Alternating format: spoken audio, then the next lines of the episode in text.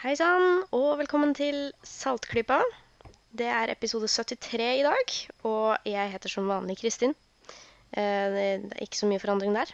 Og med meg i dag har jeg f.eks. Lisha. Hei, hei. Og jeg har med meg Bendik. Jeg heter også fremdeles Bendik. Så bra! Og den som også heter det samme, hvis ikke vi helt tar feil, eh, det er Jørgen. Hei alle sammen. Ja, jeg vet ikke om dere husker at vi nevnte at eh, det skulle være et, eh, en spesiell omvisning på Naturhistorisk museum for eh, nå når denne episoden kommer ut, to uker siden. Stemmer? Eh, der var jeg! Åh, kulig. Ja, jeg hadde regnet med at flere skulle være der, for jeg hadde snakket om at det var noe alle hadde lyst til. Men eh, Jeg hadde veldig lyst. Jeg vet, det, det jeg kan si var at det var mer enn nok folk som møtte opp. Det var det, ja. Eh, Det var ikke så mange kjente skeptikere jeg kjente igjen, men det var bare generelt jækla mye folk, for å si det mildt.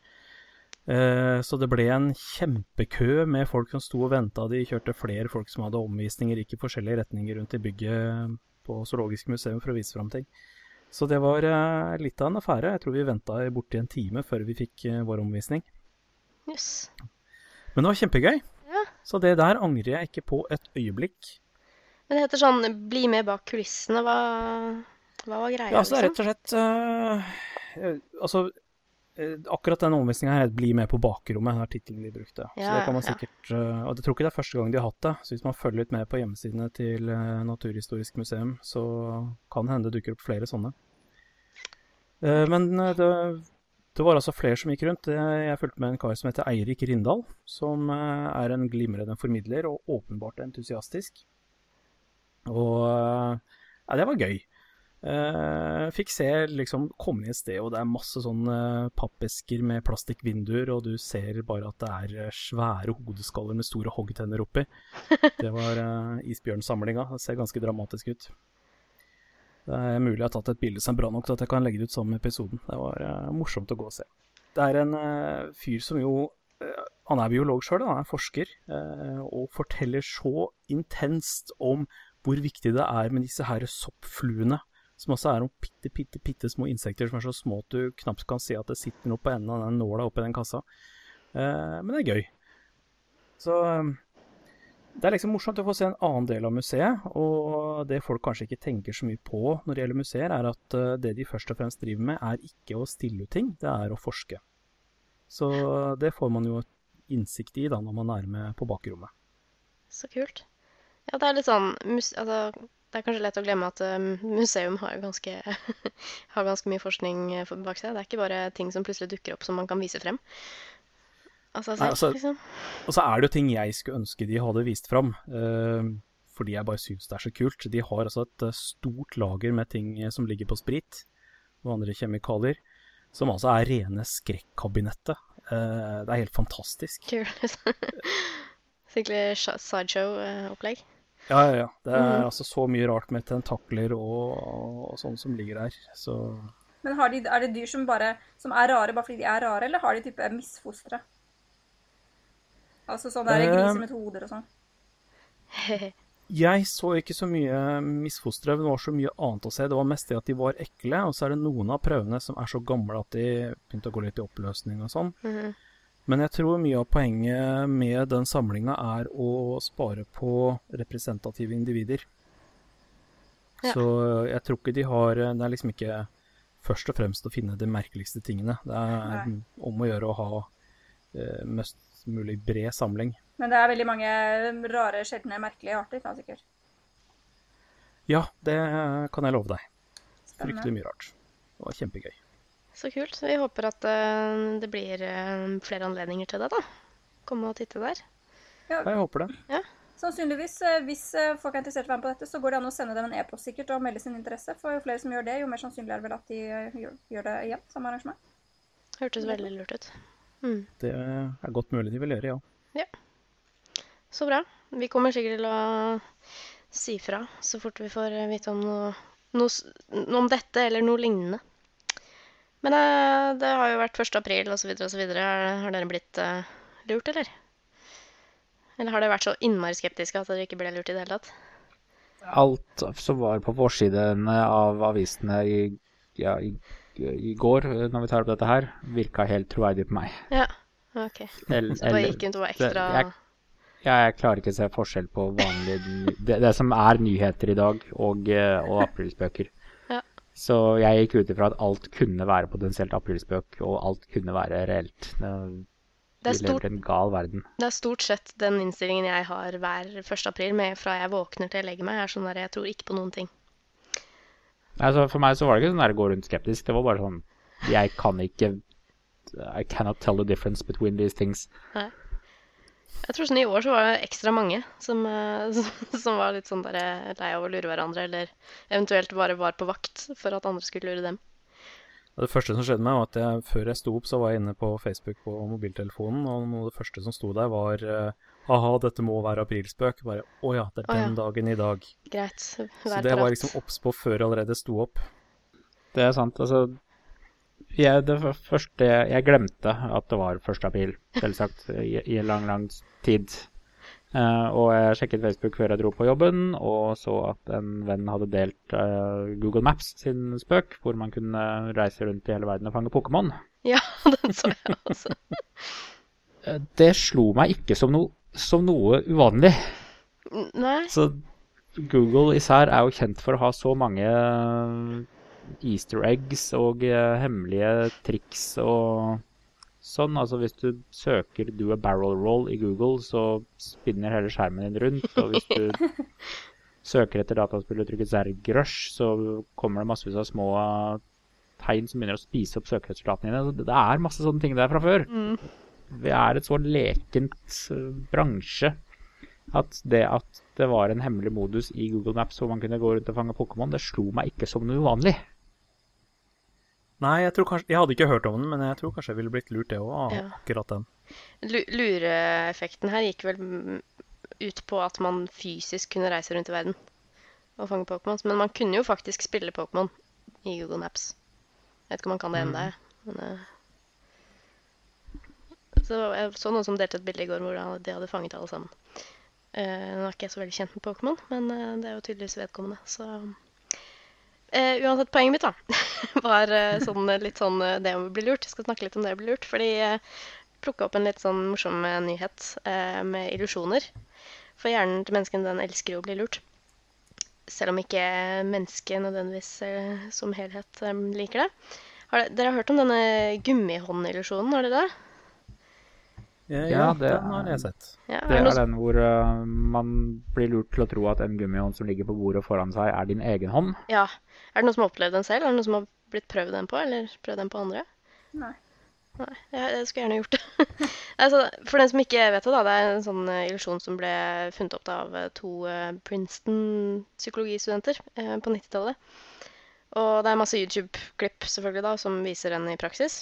Eh, kort fortalt så er det da en person som skal sitte med sin egen hånd eh, på et bord, eh, men da bak en skillevegg, slik at den ikke syns. Også da på, på den riktige siden, den synlige siden av gummiveggen, så, eller skilleveggen, så ligger det en gummihånd. Eh, den er da lagt liksom i riktig retning og liksom på samme måte som den skjulte hånden din eh, ligger, da. Eh, og da er det da en som utfører eksperimentet, som tar to små pensler, en i hver sin hånd, da, og så begynner å stryke med penselen på fingrene til begge de hendene som ligger på bordet, den ekte og den eh, gummihånda. Sånn akkurat samtidig og på tilsvarende samme fingre videre, da. Og så da vil da dumme, rare hjernen til menneskene ganske raskt lures til å tro at det er eh, den hånda du kan se, som er din egen hånd. eh, uansett hva den da består av. Og det vil være sånn For å få en litt mer sånn wow-effekt, litt sånn uh, sirkusshow-effekt på det, da, så pleier de da å plutselig slå gummihånda med en hammer veldig hardt. eh, sånn at de blir liksom veldig sjokka og sånn, da. Eh, Så litt beslekta med det eksperimentet her, så er det noen, som eh, ville, noen psykologer som ville finne ut om man i tillegg til å bli overbevist om at en uekte hånd er vår egen, kan vi også bli lures til å tro at det er selve hånden vår som er laget av noe ikke-menneskelig.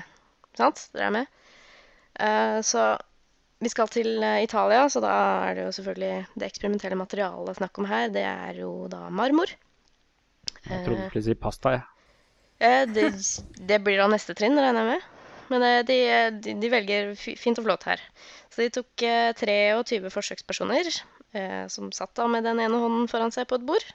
Igjen da skjult av en skillevegg.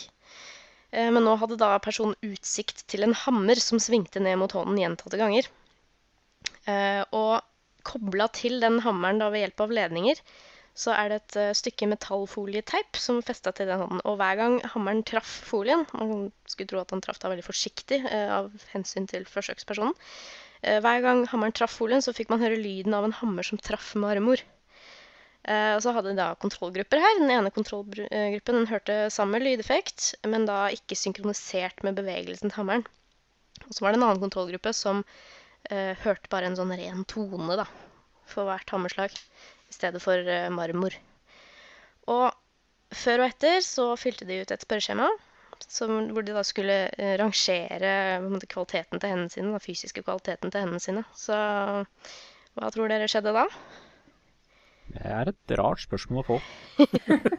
På en skala fra 1 til 10, hva er kvaliteten på hånden din? Ja, det, det kan godt hende det var veldig mange spørsmål eh, som relatertes til f.eks. Eh, hvor stor er følsomheten, eller altså hva Hvor lett føler du at hånden din er, kanskje hvor stiv? Sånne ting, da. Eh, så det som skjedde, da, det var jo et retorisk spørsmål jeg stilte egentlig, da, fordi eh, nå skal jeg svare. Eh, de som fikk utført illusjonen, da, som ikke var i kontrollgruppa, de rapporterte i etterkant, eh, sånn eh, til forskjell fra i forkant når de svarte på dette spørreskjemaet, det var at deres egne hender føltes mer unaturlige, de føltes stivere, de føltes tyngre, og de føltes mindre følsomme. Og faktisk også noen personer, uten å bli spurt om det av forskerne, sa også at eh, hendene føltes liksom nummende, da. Og eh, denne illusjonen virka heller ikke i eh, kontrollgruppen, faktisk. Og eh, ja, vi liker jo å legge vekt på her i Saltklippa at uansett hvor smart og skeptisk og vitenskapelig anlagt du er, så lures du hele tiden om og om igjen. Og ingen er immune for det. Og det her er jo et veldig sånn visuelt striking eksempel da, på dette her. Man vet jo faktisk ikke helt hvorfor eh, hjernen vår er så mottakelig for sånne illusjoner som det her, men uh, det er my mye hypoteser rundt det om at uh, altså det som vi oppfatter som vårt eget, altså sånn som vår, vår egen kropp har, det baserer seg ganske konsekvent på informasjonen vi får fra øynene våre, eller i dette tilfellet også ørene, faktisk, i samspill med det vi får fra liksom, muskler og nerver og sånn Så. Den inngrodde følelsen av å være eier av eller å bo i kroppen sin, og det er ikke så inngrodd som det vi tror. Det som egentlig skjer, er at hjernen kanskje faktisk jobber konstant med å opprettholde den følelsen, istedenfor at det, den alltid har vært der, på en måte. Jeg har lest om eh, folk som har fått den følelsen der kutta, nærmest. eh, At Mm. de ikke føler seg hjemme i sin egen kropp, og at de f.eks. ikke vil klare å, å folde hendene sine bak ryggen. Ja, riktig. Fordi eh, de kan ikke se eh, hendene sine, og da klarer de ikke å føle dem. Nei. De, eh, de klarer ikke å styre dem når de ikke kan liksom se hva de gjør. Det blir som å, å sitte og observere sin egen kropp gjennom et kamera, og så liksom styre det bevisst. da, Med sånn, nå skal jeg åpne denne hånden her, jeg må se hvordan den uh, står i luften. Og så flytter jeg den uh, bort hit og griper om dette objektet her. Helt supersært. Det er sånn som man leser om eh, folk som liksom har eh, tatt syre eller en eller annen sånn hallusinogener som opplever at du ikke får den derre greia som du alltid har, med at du liksom du bor inni kroppen din, og du ser ut av øynene, liksom. Når du da mister den, så får du den derre ett med universet-følelsen som man gjerne hører folk rapportere om når de har eh, tatt litt diverse stoffer.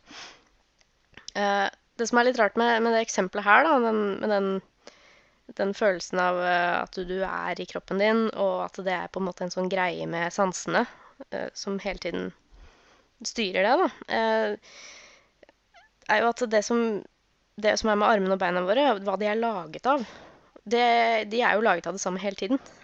Så det er i grunnen rart at denne illusjonen, skjer, da, fordi hjernen trenger jo ikke å bli minnet på hele tiden, da, konstant, at en arm er laget av skinn og bein, liksom. Så det er, liksom, det er liksom det som er litt snodig, da, med dette eksempelet her. Er dette samme effekt som sier at hvis du er veldig obs på at noen ser på at du går, så får du skikkelig banjobein og klarer liksom ikke gå. Et annet spørsmål man kan lure seg til å tro, er kanskje er det den samme effekt som når du går gjennom sikkerhetskontrollen på en flyplass. Så, går du plutselig Jo mer naturlig du fokuserer på å gå, jo mer unaturlig går du, og jo mer mistenkelig oppfører du deg.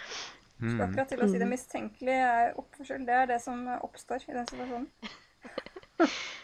Det er så mye man kan lures til å tro, da, og sånne lignende illusjoner her. Det er jo folk som har jo nesten fått sånn ut av kroppen-opplevelser, med at man har et sånt eh, et kamera som filmer på en måte bak deg, eh, mens du går med sånne VR-briller da, som ser det det kameraet ser. Og da får du, at helt, du ser en, deg en følelse selv at du fra en meter er bak deg selv. Hæ? Sånn at du ser deg selv fra en meter bak deg selv. Ja, ikke sant? Da, da føler du plutselig ikke at du er inni kroppen din lenger. At du, da, da føler du at du faktisk er der som kameraet er, da. Så det er sånn ut av kroppen-opplevelse. Man kan lure Det må være sært. Ja, jeg har veldig lyst til å prøve et eller annet sånt, altså. Uh, uten, gjerne uten sopp involvert. Um, du, man kan lures til å tro at man er like liten som en liten dukke. Ved å liksom gjøre litt samme type eksperiment med sånne bitte små dukkeføtter, f.eks. Eller at man har en ekstra arm, f.eks. Eh, og til og med det at man, man har en, arm, en hånd for eksempel, som er usynlig. Altså rare, dumme hjernen som, som Hvis man liksom børster med en sånn børste, da, som jeg nevnte i gummihåndeksempelet Hvis man bare børster sånn i løse lufta, så kan man faktisk lure til å tro at hånda liksom er Ikke er der. At den er usynlig. Så ja. Kristin, prøver du å fortelle oss at vi ikke kan stole helt på sansene våre? Det er nettopp det jeg prøver å si, skjønner du. Jeg prøver i hvert fall å minne folk på at man må være litt obs på det. Det er jo et veldig viktig verktøy man har som skeptiker. Jeg fikk en eh, artig assosiasjon til dette her med å tro at armen er av stein, jeg, da. Ja. Eh, på en liten referanse til Doctor Who. Ja. Amy Pond møter på gråtende engler. Hun skal ikke si noe mer om hva det gjelder, men der er det også noe mistanke om at eh, en hånd plutselig er av stein. Å, den Ja, riktig. Mm, det var den, ja. Skummel episode. Å, fine, skumle episoder. Mm. Eh, jeg må også nevne det at man har sett eh, flere eksempler på faktisk at folk med fantomsmerter etter amputering har blitt hjulpet for disse smertene, da. Ved at de rett og slett bare ser på den motsatte Hvis de f.eks. har amputert en arm, har fantomsmerter i den amputerte armen så, Altså, det er jo ikke noe smertebehandling for det, ikke sant? Fordi at det er snakk om på en måte hjernesignaler som prøver å gå til en arm som f.eks. kanskje i i skadeøyeblikket da var veldig Hadde det veldig vondt. Og da er det der et slags ekko da, i hjernen etter det. Så man, jo, man kan jo ikke behandle dette med smertestillende. Men det var noen som fant ut det at man kan sette opp et speil og speile den andre armen, da, den motsatte armen. Og hvor man da liksom ser på speilbildet og driver og slapper av og, og, i armen da, og gjør ting med den andre armen, så, så så begynner hjernen å koble den, det speilbildet da, til den armen man har kuttet av. Og da har mange opplevd at faktisk fantomsmertene forsvinner. Midlertidig selvfølgelig, da, men det er jo det er bare å ha et speil tilgjengelig, faktisk. Så det syns jeg er ganske interessant. Ja, men det er jo bra at vi får best mulig oversikt over hvordan vi kan lure hjernen, sånn at vi også kan bruke det til å hjelpe oss når det trengs. Ja, for det er også noe av det de, de sier dette kan brukes til. For det er jo obligatorisk nå at uh, hvis man har litt sånn sær eller utilgjengelig eller kanskje litt kjedelig forskningsnytt, så for at det skal komme på trykk, så har man alltid med et avsnitt som sier hva det kan brukes til i den virkelige verden, ikke sant. Ja. Eh, så da, da sier man nå at det kan hjelpe, da, dette eksperimentet her med, med lydeffekter og usynlige hender. At eh, det kan hjelpe i forskning på proteser, altså kunstige lemmer. I dette tilfellet da, kan man også hjelpe oss til å forstå hvorfor man kan ta til seg da, en kunstig kroppsdel som sin egen, og hvor lite som skal til. Så det er spennende. Men øh, ja Det var jo ikke mer å si om det, men eh, det er kanskje mye å si om øh, andre døde ting, Jørgen. Eh, Jeg hørte du hadde litt sånn oppsiktsvekkende nyheter om eh, noe som kanskje ikke er så aktuelt lenger, men eh, Nei, nå pleier jo de tingene jeg jo styrer med å være fryktelig gammelt nytt, siden jeg er arkeolog. som kjent. Eh, Ja. Nei, nå på mandag så ble jeg oppringt av NRK, faktisk, som lurte på om jeg kunne stille opp på intervjuet og si noe fornuftig om eh, et eh, viktig funn i London, hvor de har funnet eh, en massegrav med folk fra svartedauden. Da hadde jeg på daværende tidspunkt ikke hørt om det funnet i det hele tatt, så jeg sa nei, men jeg leste meg jo litt opp på det. Og det var veldig interessant. Så var det litt senere på dagen, eller dagen etter, tror jeg, at eh, du, Kristin, sendte meg lenke til samme saken i en annen avis, og der sto det noe helt annet. Aha. Eh, og dette begynte å bli litt interessant, da, så jeg begynte å lese meg litt opp på hva i all verden er det den saken her egentlig gjelder. Eh, det er altså et kjempespennende funn, det er det ingen tvil om. Men det er eh, i London eh, så holder de på å bygge en jernbane, og i sammenheng med det så er det jo da selvfølgelig utgravinger av det som måtte være av gammel historie. Og i dette her eh, tunnelløpet de bygger, så hadde de funnet noen, et område med noen døde kropper. De har, på det lille området de har gravd, så langt så er det 25 innsvøpte skjeletter de har funnet. Og ved hjelp av radiokarbondatering og sånn, så har de funnet ut at eh, de fleste er fra svartedauden. Eh, Den som herja i eh, 1348 i London. Og så i tillegg så er det noen nyere begravinger over, som sannsynligvis også er pestoffer fra eh, 60-70 år etterpå. Som er en ny runde med pest.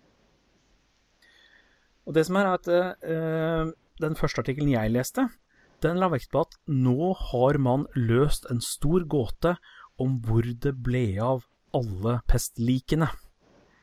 For man har historiske kilder som tyder på at det i bydelen, eller jeg vet ikke om det er en bydel, men i hvert fall et område i London som heter Farringdon, der skulle det være gravlagt enorme mengder med pestofre. Antatt kanskje opptil 50 000, nei unnskyld, 25 000 var det vel, eh, som de savner. I hvert fall vanvittige mengder med folk som eh, de ikke har visst hvor det har vært. Og nå tror de at de har funnet uh, det området da, hvor de er gravlagt. Så det er den siden av historien. Så var det en annen historie som da ble blåst opp, som sa nå har vi endelig skjønt hva pesten egentlig var. Ja. Eh, og at det var ikke en byllepest. Hæ? Og dette Ja vel. Nei! Ja, ja, dette er spennende. Eh, jeg har fulgt litt med på dette her, hva som skjedde de siste årene, så for meg var ikke dette noe nytt i det hele tatt. Uh, men uh, ja, det er i hvert fall slått opp som en sånn kjempestor nyhet. Nå har vi løsningen! Men det er bare nå har de nok en stor puslespillbit.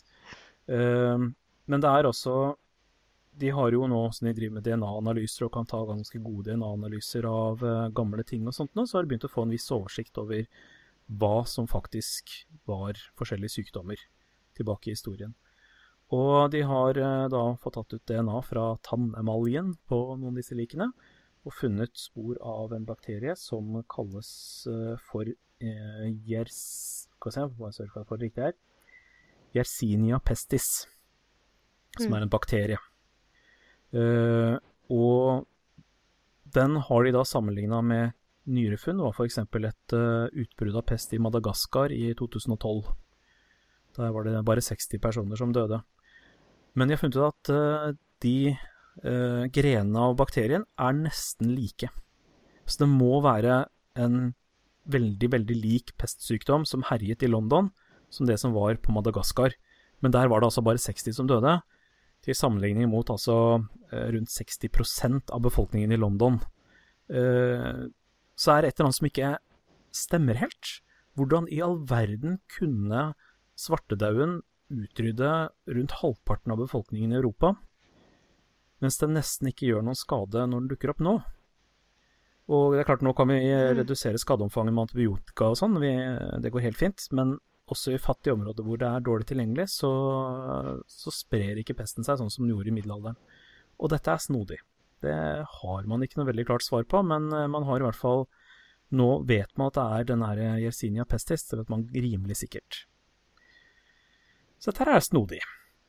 Yes. Eh, ja.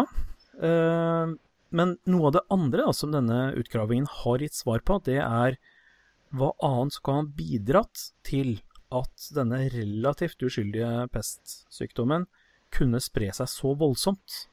Fordi alle de likene de har funnet, eller i hvert fall flere av dem, eh, tør ikke si sikkert om det var alle.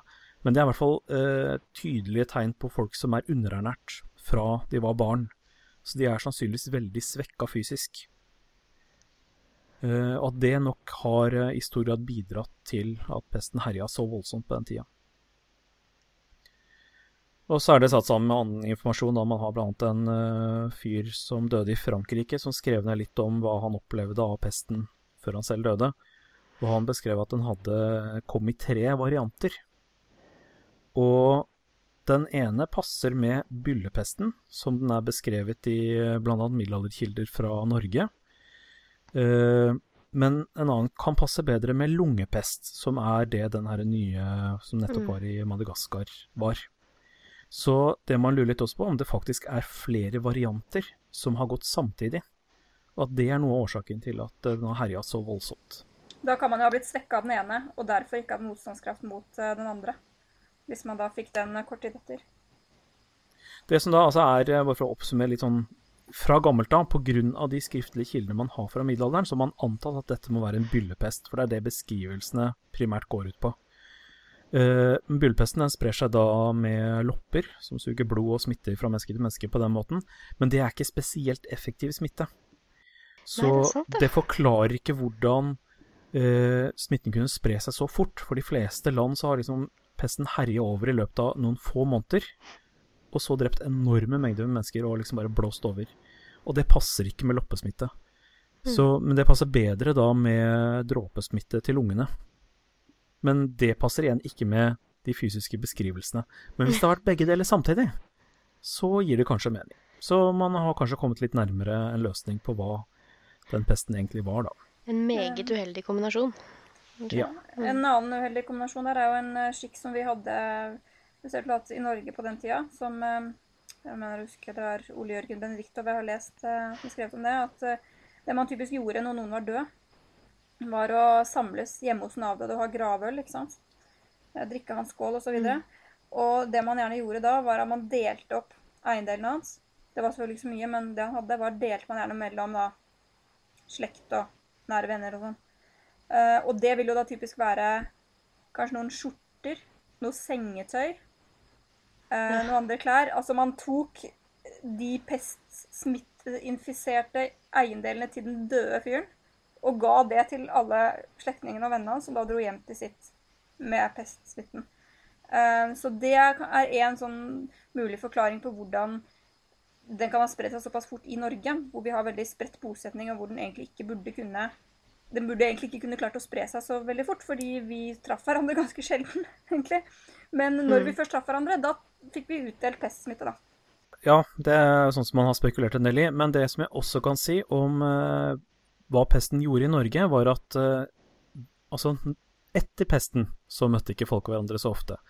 Men vi har uh, ganske gode historiske og arkeologiske spor av at det var uh, veldig mye trafikk rundt omkring i landet med ja, faste ruter hvor folk farta rundt med handel og sånne ting. Og så kom pesten, og folk ble tydeligvis livredde for å møte hverandre, rett og slett. De skjønte et eller annet mm. med hva, at noe spredde seg, og at de måtte holde seg unna hverandre.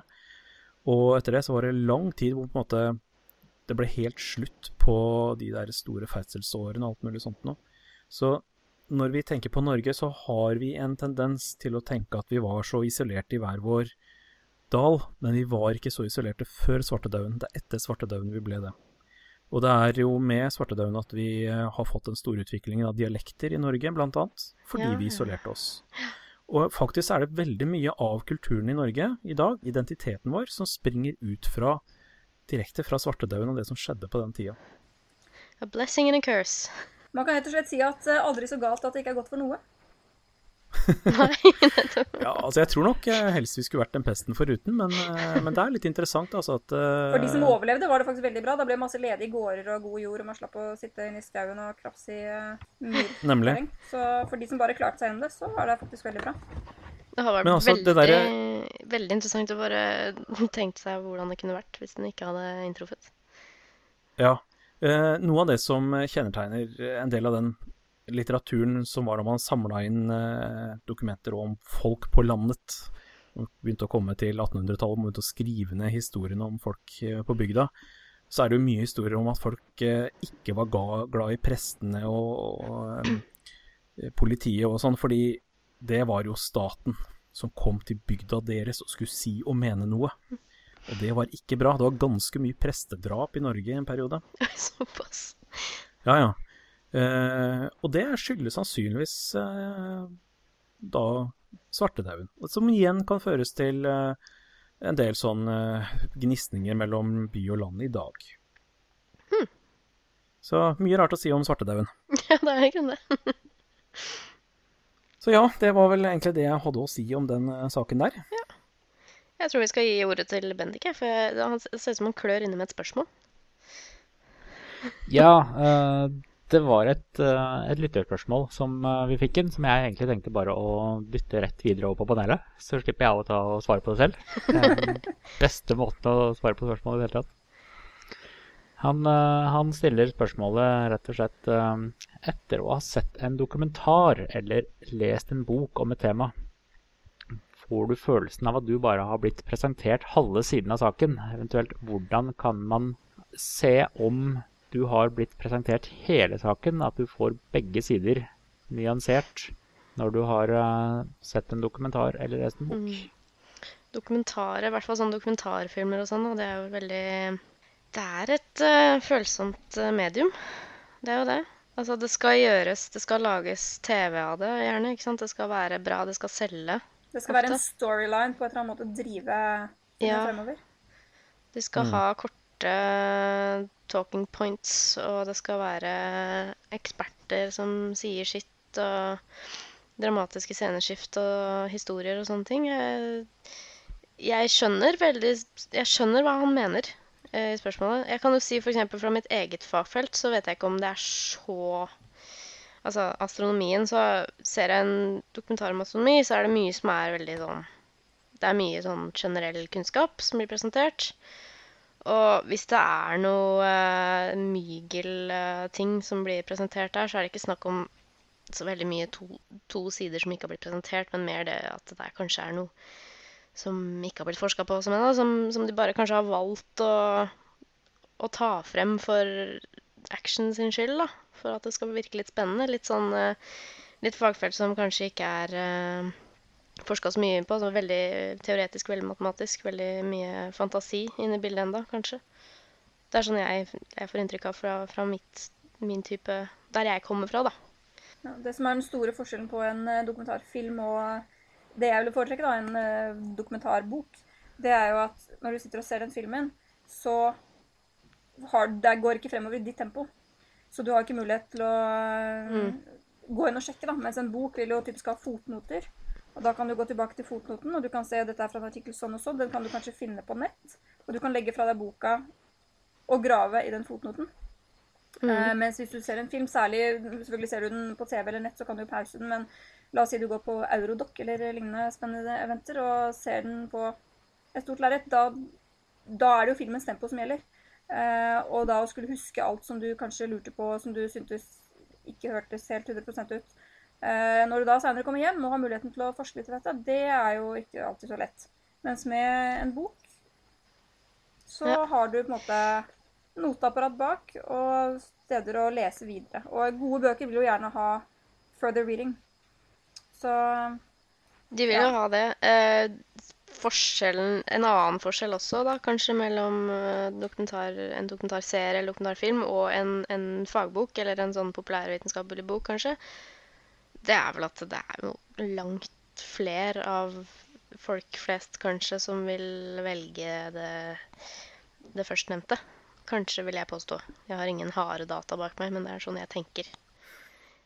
Altså, jeg eh, får aldri lest så mye som jeg skulle, så jeg syns det er veldig greit å se dokumentarer for å få en kjapp innføring i et tema. Og jeg var faktisk på Eurodoc og så et par eh, dokumentarfilmer nå nylig. Mm. Og der bare er du eh, utstyrt med litt grann kritisk sans, så veldig ofte så ser du ganske fort når noe er ensidig.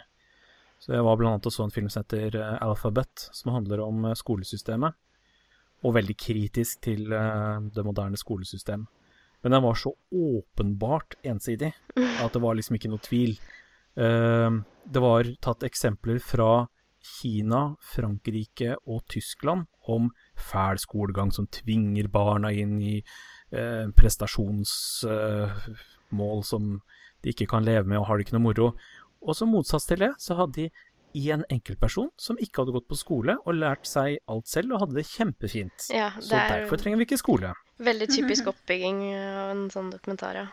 Ja, Det og det, det, liksom, det var så åpenbart at det var en ensidig dokumentar. Så det, det, var- helt greit. Da får jeg liksom innføring at ok, det er noen som mener dette, og ja, man kan si at det er noen ting med skolen man kan se nærmere på, men denne filmen ga kanskje ikke svaret på det. Men så er det andre ting. For eksempel så ble det, var det i forfjor, det gikk en serie på NRK som heter Arkeologene. Mm. Og den fulgte jeg veldig nøye med på, først og fremst for å se om det var kjentfolk som var med, og det var det jo drøssevis. um, men også der så lærte jeg ting som jeg ikke visste om. Uh, nå var det for det første en relativt objektivt bygd opp serie, det var ikke så veldig mye som var tendensiøst der, men uh, sånn jeg har erfaring med sånne type dokumentarer, er at de kan gi deg et innblikk i en tematikk og en side i en tematikk, men du må gå inn sjøl for å, å lese det opp. Uh, bruke andre kilder for å få skikkelig innsyn i det. Så jeg liker å se dokumentarer bare for å få det innblikket, men jeg er alltid klar over at det er én side. Altså, kan, altså, mitt inntrykk fall, er at en sånn fellesnevner eh, i sånn Det å få liksom følelsen av at noe her ser vi ikke hele historien, osv. Det ser ut til å være ting som først og fremst har med vårt samfunn å gjøre. da. Det er mye altså, med, som har innvirkning på oss. Mye helse og ernæring, f.eks. Men også ting som kan knyttes opp til da, politikk. Politiske emner, sånn som det du nevnte med skolegang. Eh, sånn GMO-mat, miljørelaterte ting og sånn. Hvor da muligens det kan finnes forskere, eh, enten enkeltstående eller små miljøer, da, som har eh, på en måte lett for å ha et eget ståsted, som kan farge deres jakt på sannheten, da, og at de har en sånn trang til å spre et budskap som de føler de må spre, uavhengig av at om kanskje forskningen er eh, solid eller ikke. Altså Uansett når du skal lage en dokumentar, så trenger du å ha en historie å fortelle. Og da må du ofte Mm. velge en side rett og slett bare for å ha den historien, ellers så blir det bare masse oppramsing av faktor hit og dit. Så de fleste eh, dokumentarer har jo en eller annen historie de har valgt å fortelle, som ved å velge ut det som er relevant for den historien, også velger vekk noe. Så det må man alltid være bevisst på, at selv eh, gode, objektive dokumentarer har valgt noe. Ja, en eller annen vinkling eh, må de jo alltid eh, stille seg bak, på en måte. For det går ikke an Ja. å bare hive inn absolutt alle sider av en sak, eh, og da ikke få et eneste rot som ingen orker å se på, rett og slett. For det er jo det som vil bli resultatet hvis eh, alt skal med. Ja, men, men man behøver liksom ikke ta med alt, eller man skal ta med alt. Men det er jo en side som er riktig, og man kan jo lett presentere de feilaktige sidene og fortelle hvorfor disse er feil, for å bygge opp sin egen sak. Og det er jo en veldig vanlig eh, ting å gjøre. At man går gjennom eh, motargumenter og skyter ned de. Men, men spørsmålet er jo liksom hvordan oppdager man det, eller sitter vi igjen med den følelsen når vi har Ja. sett noe at her, denne her den var skikkelig ensidig. Hvorfor litt, hvorfor får vi den følelsen? I og med at vi ser jo en dokumentar for å lære en sak. Hvorfor er vi interessert i å høre alt som er feil? Ja, det er vel eh, Det kommer jo, altså, det kommer jo selvfølgelig da an på hvilken håper i, nå, nå lager jeg sånne store gåseøynetegn med fingrene. Hvilken side man er på selv. Eh, veldig teit å snakke om side i vitenskapelige entydige resultater. Eh, men det kan jo ikke gjentas for ofte her. Jeg foreslår at man, man altså, som en god skeptiker da, lærer seg å se til litt røde flagg uh, når man leser eller da ser en, uh, en dokumentar. Uh, bare gå litt sånn som Lisha nevner med bøker her. Gå litt på kildene. Altså hvilke kilder er det som brukes? Hvilke kilder er det som det virker som de bruker? Og hva slags språk bruker de? Bruker de veldig sånn emosjonell appell? Drar de frem mye sånn derre eh, øyenvitner eller sånn testimonials, eksempel? Og så den, den, det er kanskje en av de største røde flaggene. Da hintes det til en konspirasjon her. Ja. Og, Liksom, Kristin, gjerne en konspirasjon som eh, ikke noen egentlig vet om, bortsett fra filmskaperne. For de har uncovered ja. it. Uncovered Ja. the secret, og nå vil de dele det med deg. Ja, eller, er eller den ene personen som følges gjennom hele episoden med enkelthistorien sin, da. Det, Ja. Den personen er den eneste som vet om konspirasjonen. Ingen andre ser Eh, det, men han. Ja, ikke sant. Og så så har vi gjerne sånne talking heads da, i, i dokumentarfilmer, eh, som dras frem som eksperter. OK, se litt på tittelen deres, eh, eller på navnet deres. Søk dem opp på Google. Liksom, hva er det de egentlig er ekspert i? For eksempel, for å dra fram det, historiens dårligste eksempel på eh, en dokumentar, da, fordi det kan jo knapt kalles noe som helst annet enn et rart kunstprosjekt, nemlig den eh, dokumentarversjonen av The Secret. Jeg vet ikke om noen faktisk har sett på den, men jeg ble dratt med på å se på den en gang. Der har de et tonn med talking heads, og de er så eksperter og eksperter og eksperter. Det er en som jeg tror Jeg, jeg tar jo dette på sparkeren så jeg, jeg klarer ikke å huske hvem det var, men det er en fyr som blir dratt frem som nobelprisvinner, står det under. Eh, og snakker om liksom, hva da, kvantefysikk og sånn, ikke sant? Men altså, det, det var jo ikke i nærheten av fysikk det han var nobelprisvinner i, ikke sant? Sånne ting, da. For, for dette var det mest ekstreme eksempelet jeg kan komme på, kanskje. Men eh, se litt på liksom, ekspertisen som dras frem, kanskje. Eh, vær litt sånn. Se etter sånne røde flagg. Altså Særlig når det er kritikk av en eksisterende viten, altså det alle vet er sant, når det er kritikk Ja. av det, så hvis alt de gjør er å prøve å skyte hull på det som bygger opp under den offisielle sannheten, og det ikke kommer et alternativ som er konsistent, så er det et rødt flagg. For da er det bare sånn La oss eh, si at alle andre tar feil ved å vise hvor feil de tar, istedenfor å rette fingeren mot oss selv og si om det vi har å komme med, faktisk eh, holder mål. Et annet spørsmål kan, kan stille seg, er at eh, er det bare folk som er sykelig opptatt av kritisk tenkning, som får den følelsen?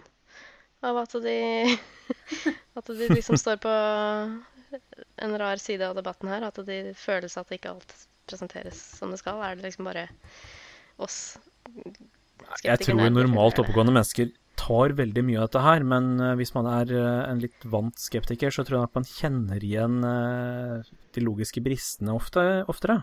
Mm. Eller at man bare får en følelse av at her er det noe gærent.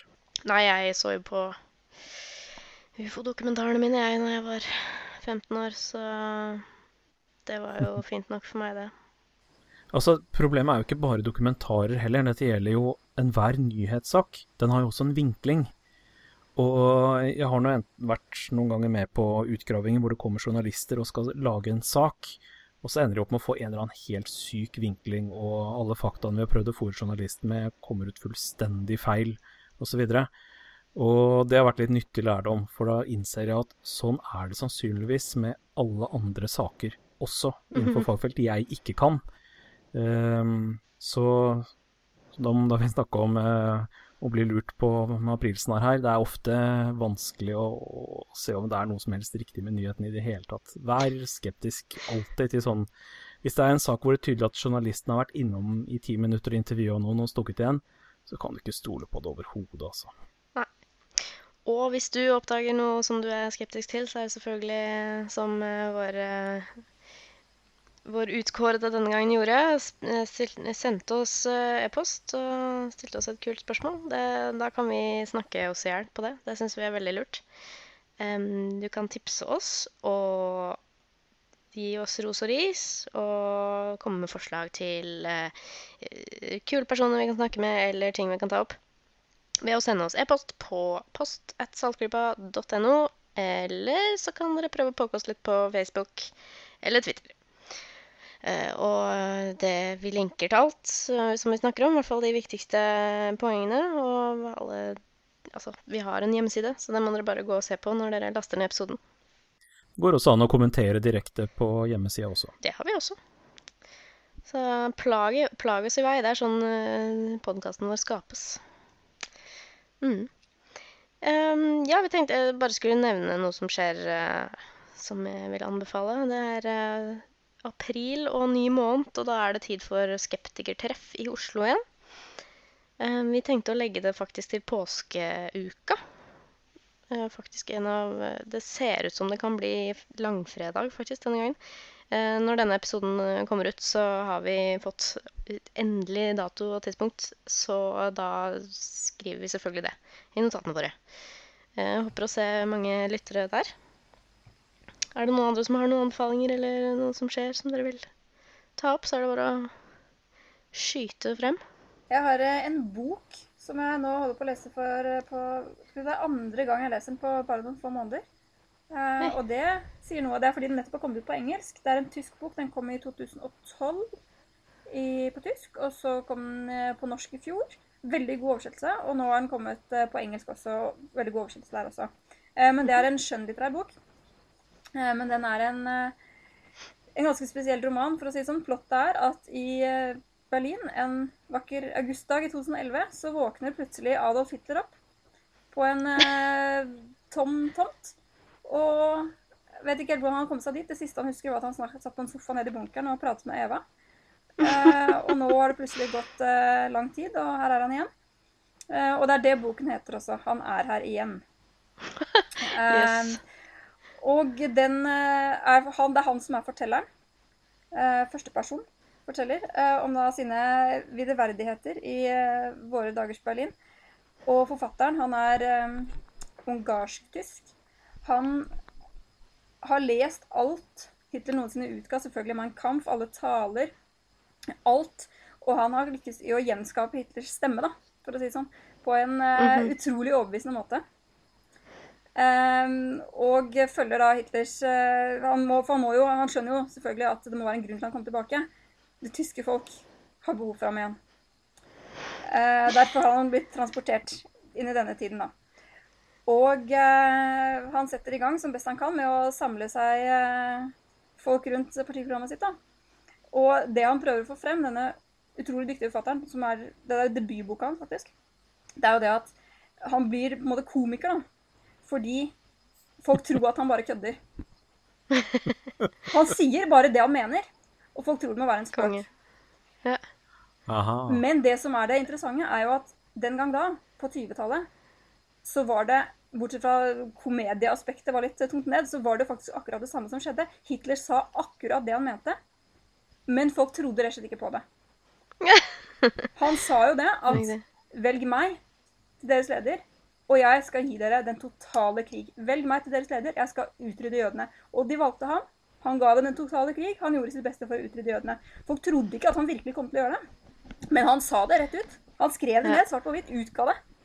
Sendte boka til alle husstander på den nærmeste. Dette skal jeg gjøre. Og akkurat det sier han. Han sier akkurat det han mener. Og folk bare ler og tror det er kødd. Han blir en uh, YouTube-hit og får en egen spot på TV-program. Og uh, han sliter jo da i noe grad med å tilpasse seg uh, det moderne samfunnet. Det gjør han. Eh, men samtidig så har han eh, Han er tilpasningsdyktig også, da. Han, eh, han ser ganske fort hva han kan benytte seg av, og hva ikke. Og han, eh, han har sterk integritet. Det må jeg lov å si. Han har en meget sterk integritet. Og det er en utrolig morsom bok. Uh, som jeg har sagt veldig godt oversatt til norsk, og i hvert fall hittil. Det har bare kommet uh, til plass en fjerde. Så er den også veldig godt oversatt til engelsk, hvor den heter 'Look Who's Back'. Men eh, den eh, norske utgaven den har en tittel, så den heter altså 'Han er her igjen'. Forfatteren er Ja. Timur Vermes. Og det er en veldig morsom bok, men også en veldig tankevekkende bok. For man sier jo at vi må huske på historien, for ellers kan det skje igjen. Og det er det han eksperimenterer litt med. Kan det skje igjen? Hva hvis han var her igjen? Mm. Ja, noe sier meg at eh, jeg har vært i Berlin og sett litt på hvor ekstremt eh, flaue eh, tyskerne er for det som skjedde under andre verdenskrig. Så jeg tror ikke det er det beste stedet for Hitler å våkne opp i en moderne tid, altså. Nei, men du vet, det er bare tull, ikke sant? Det er jo bare tull. Ja. Se, han har jo den skikkelige uniformen og greier, og han lukter bensin. Nei, så morsomt. Eh, og det er problemet hvis du ikke tar folk alvorlig. Mm. så kan de kanskje nettopp. plutselig kanskje komme seg litt lenger enn det du hadde ønsket. Men det er i hvert fall en uh, veldig velskrevet og eh, underholdende bok. Den vil jeg anbefale. Uh, Nå pleier jo Lisha å anbefale bøker. Jeg liker jo da litt lettere underholdning, så jeg vil da bare anbefale noe som ligner litt, som også handler om nazister som plutselig er tilbake. Og det er da to filmer. En heter Død snø, den andre heter Død snø 2. Og de er fantastiske. Den har jeg faktisk ikke sett. så jeg må rote meg til å se den. altså. Det må Nei, jeg har faktisk ikke fått sett toeren sjøl heller ennå, men jeg har fryktelig lyst til å se den. De har veldig bra taglines, uh, har de ikke det? det Ja, de de har det. sånn uh... Ein, zwei, die! Ja! var tagline til den første. Og den andre, Jørgen, jeg har sett den. Den er eh, meget underholdende. Den, den har litt bredere fokus, kan du si. Det, det skjer litt mer. Det er ikke bare nazister lenger. Nå Aha. er det mm, flere som vil være med på moroa. Så da må du se den vil more deg.